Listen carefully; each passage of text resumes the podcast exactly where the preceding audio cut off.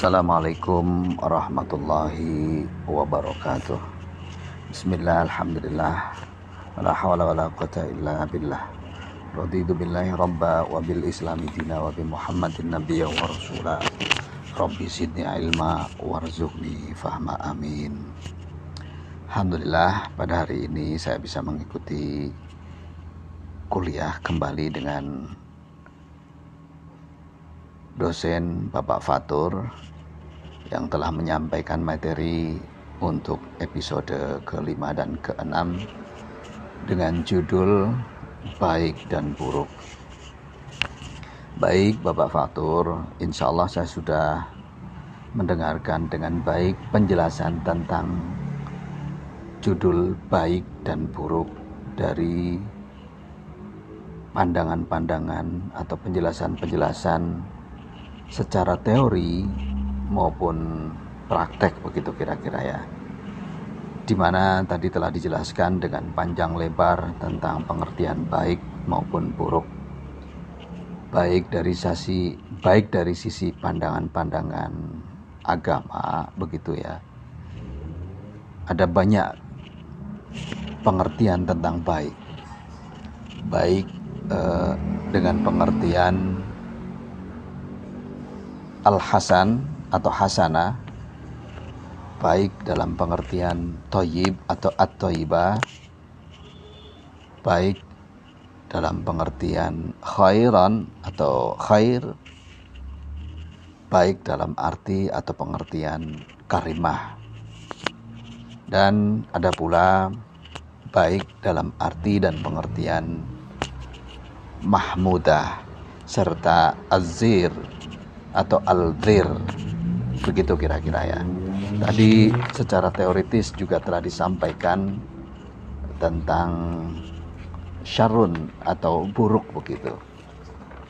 Juga telah disampaikan tentang perspektif perspektif tentang baik dan buruk. Di mana ternyata begitu banyak per perspektif baik dan buruk.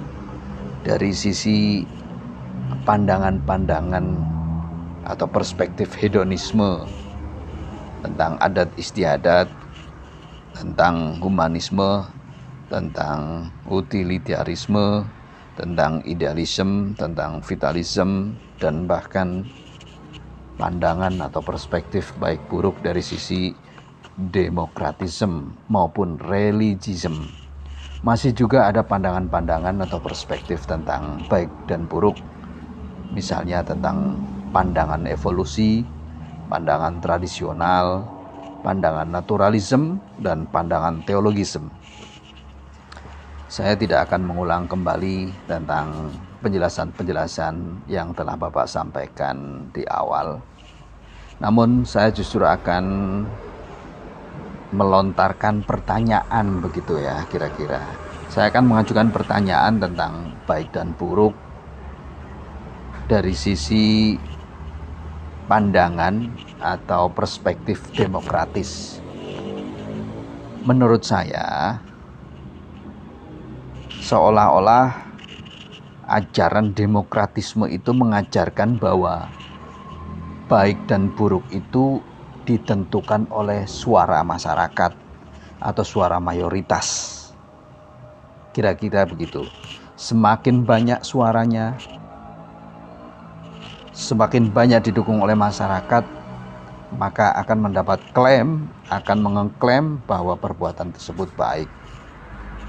Maka apabila suara tersebut sedikit, suara itu tidak banyak, maka akan diklaim buruk.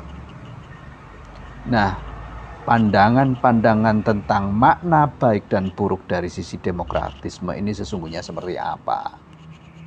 Apakah pandangan-pandangan baik dan buruk dari perspektif demokratis itu tidak bertentangan dengan hati nurani?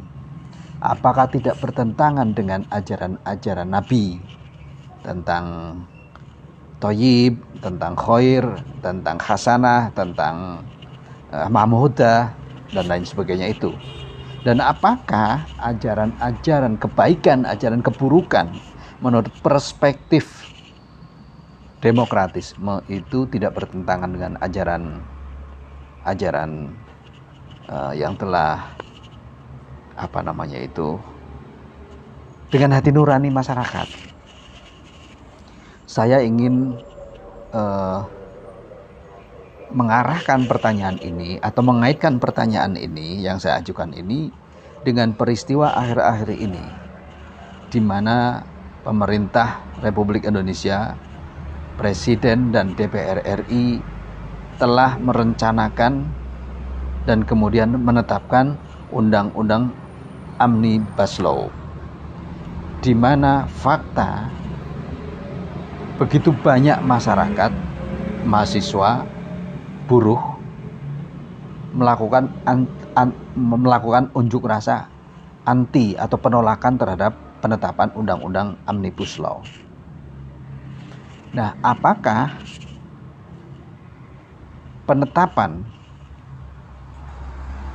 tindakan pemerintah yang telah menetapkan undang-undang Omnibus Law itu sebagai perbuatan baik? Mohon penjelasan dan jawabannya. Terima kasih Bapak dosen. Mohon maaf apabila pertanyaannya agak jauh begitu kira-kira ya. Tetapi saya berpikir bahwa baik dan buruk itu tidak hanya untuk menilai seseorang, untuk menilai pribadi, tetapi baik dan buruk juga bisa digunakan untuk menilai organisasi atau kelembagaan, baik lembaga pemerintah maupun lembaga swasta. Dalam hal ini, dalam kaitannya dengan Undang-Undang Omnibus Law, bahwa tindakan atau perbuatan pemerintah memutuskan menetapkan undang-undang Omnibus Law adalah sebuah perbuatan.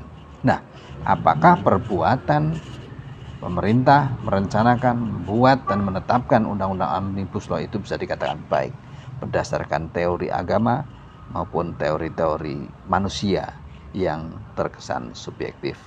Demikian pertama, pertanyaan saya. Saya ucapkan terima kasih sebelumnya atas respon positifnya atas jawabannya nanti. Assalamualaikum warahmatullahi wabarakatuh.